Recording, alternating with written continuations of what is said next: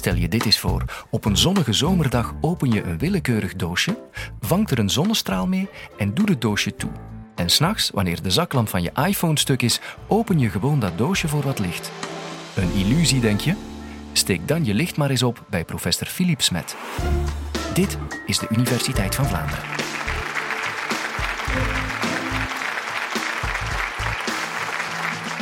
We beginnen dit college over licht in het donker. Een goede drie jaar geleden stonden in het Waalse dorpje Jalais ellenlange rijen mensen aan te schuiven om in een donkere garage een mirakel te aanschouwen. Als de mensen een tijdje in het donker zaten, dan zagen ze een silhouet van een Mariabeeld verschijnen. Wetenschappelijke analyse leerde dat het geen mirakel was, maar dat het Mariabeeld bekleed was met een zogenaamd glow-in-the-dark lichtgevend materiaal op basis van zinksulfide. Sinds een twintigtal jaar hebben we een nieuw en veel beter materiaal dat nu gebruikt wordt typisch in van die bordjes om nooduitgangen aan te geven of in van die sterretjes die je tegen het plafond kan hangen. Laat het ons even donker maken. Ik heb hieronder een Mariabeeld zitten. En dat Mariabeeld is bekleed met dat materiaal. En je ziet dat dat behoorlijk wat licht geeft. Nu, mocht dit college een paar uur duren, dan zou je merken dat het al na verloop van tijd wel wat minder licht begint te geven. Maar geen probleem. Je plaatst het weer in het zonlicht of onder een lamp. Het materiaal wordt opnieuw opgeladen en het is weer klaar om licht te geven. Maar vergis u niet, het is niet op basis van radioactieve stoffen, zoals in het begin van de 20e eeuw wel eens geprobeerd werd. We hebben dus materialen die in staat zijn om de energie van zonlicht op te slaan en op een later tijdstip weer te geven. En we hebben enkele toepassingen. Maar misschien moeten we verder denken. En moeten we een beetje out of the box durven denken. En laat ons even denken aan onze energieproductie, aan zonnepanelen. Het is een hele propere manier om energie te maken, om elektriciteit te maken, maar het probleem is de helft van de tijd, gemiddeld genomen, zijn deze zonnepanelen werkloos. En toch hebben we s'avonds en s'nachts elektriciteit nodig. En we zouden al die elektriciteit die we overdag maken in grote batterijen kunnen stoppen, maar om drie grijze winterdagen met batterijen alleen te overbruggen, ja, dat is niet zo evident. Maar ik zei, we moeten out of the box denken. Dus misschien moeten we wel met een doosje werken. En moeten we een doosje van binnen bekleden met allemaal spiegels. We laten het doosje open, we laten het zonlicht erin en we sluiten het supersnel. En wanneer we het zonlicht nodig hebben, doen we het doosje open en kijken we heel verwachtingsvol. Het is donker. Al het licht is uit het doosje verdwenen omdat we geen perfect spiegelende materialen kunnen maken. Bij elke reflectie gaat er een klein beetje licht verloren. En omdat licht zodanig snel beweegt, zijn er miljoenen reflecties per seconde. Gevolg, binnen een fractie van een seconde is al het licht verdwenen. Dat werkt dus niet. Maar misschien brengt ons Maria redding. Althans, het materiaal dat erop zit. Want dit materiaal is in staat om energie van het zonlicht op te slaan en het later te gaan teruggeven. En wat ik jullie vandaag wil vertellen, is hoe deze materialen precies werken en waarvoor we ze kunnen gaan gebruiken. Het eerste wat ik jullie daarvoor moet uitleggen is een proces genaamd luminescentie. En luminescentie is het proces waarbij materialen licht geven nadat we energie toegevoegd hebben, maar zonder ze heel hard te verwarmen. Dus de gloeiende houtskool op de barbecue die telt niet mee. Vandaar dat we luminescentie ook wel koud licht noemen. En dit wordt in heel veel dingen toegepast. Dit wordt toegepast in ledlampen, dit wordt toegepast in TL-lampen, in lasers, zelfs in PET-scanners. Nu, hoe werkt dat luminescente proces? Je neemt een transparant kristal waar het licht vrij in kan bewegen. En dan vervang je daar enkele atomen uit door andere chemische elementen onzuiverheidsionen, die onze luminescente ionen gaan zijn. En wat zegt dan de kwantummechanica? Die kwantummechanica zegt dat de elektronen in die luminescente ionen dat die enkel bepaalde energietoestanden kunnen aannemen. Niet eender welk niveau, maar bepaalde energieniveaus. Als we nu kijken naar een elektron dat zich in de laagste energietoestand bevindt, en we voegen een beetje energie toe, bijvoorbeeld met behulp van licht, dan springt het elektron ineens naar een hogere energietoestand. Keert dat elektron terug naar de grondtoestand, dan wordt het energieverschil uitgestuurd met een energiepakketje en meestal is dat licht. Dan wordt er een lichtteeltje uitgestuurd. En dat wordt gebruikt in al die toepassingen die ik daarnet vernoemde, maar bijvoorbeeld ook in dit fluo-jasje. En waarom ziet dat er nu fluo uit? Omdat het ten eerste geel licht reflecteert. Maar het doet iets extra.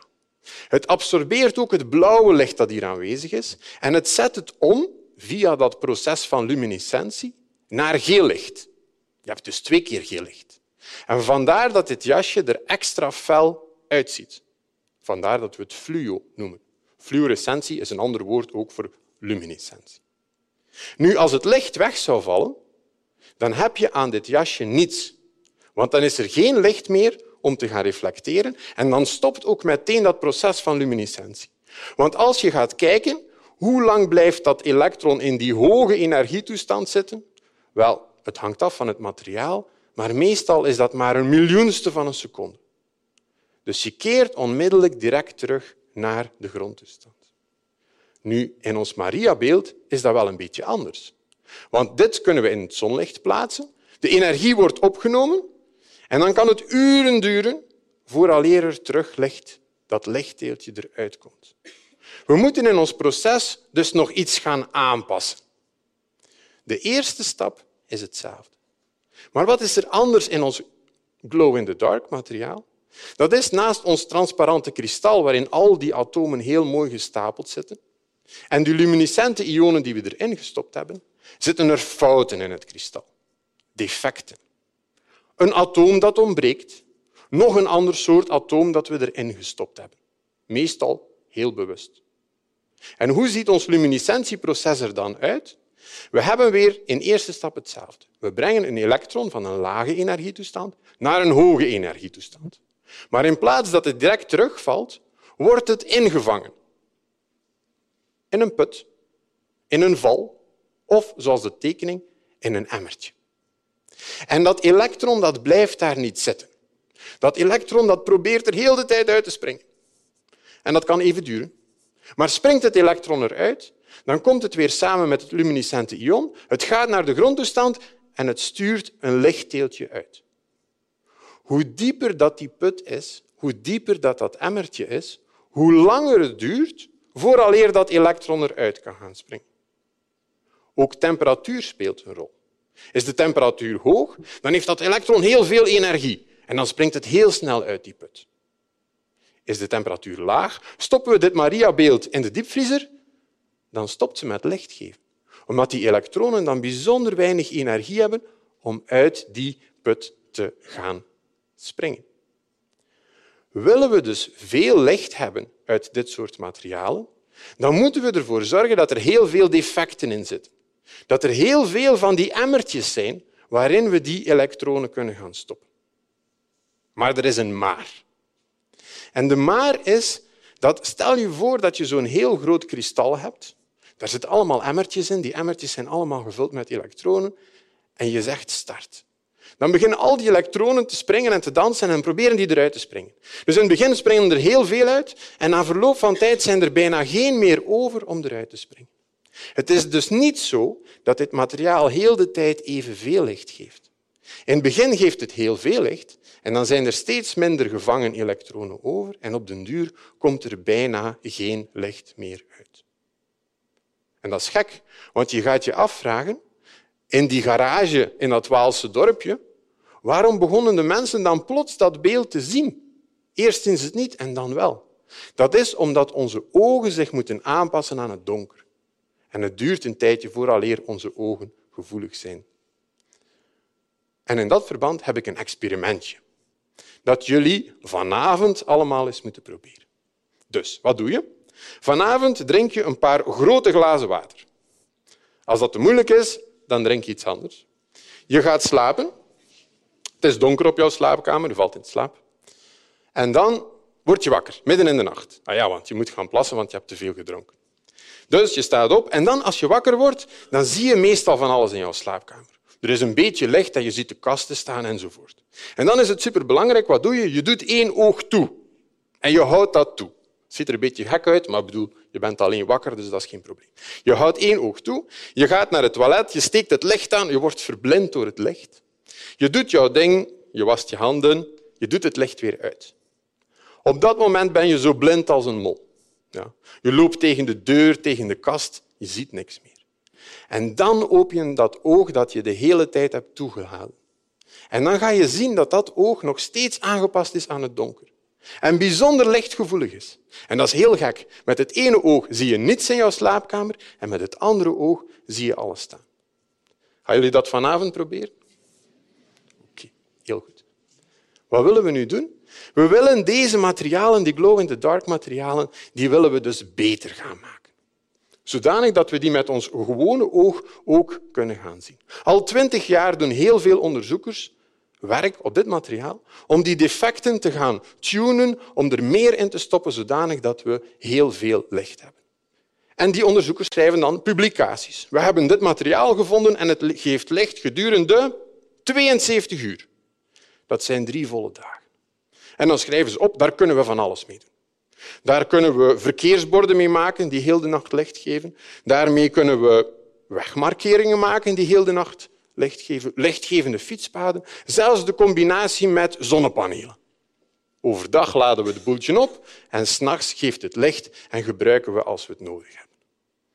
Heel zelden worden die gesuggereerde toepassingen worden die effectief getest.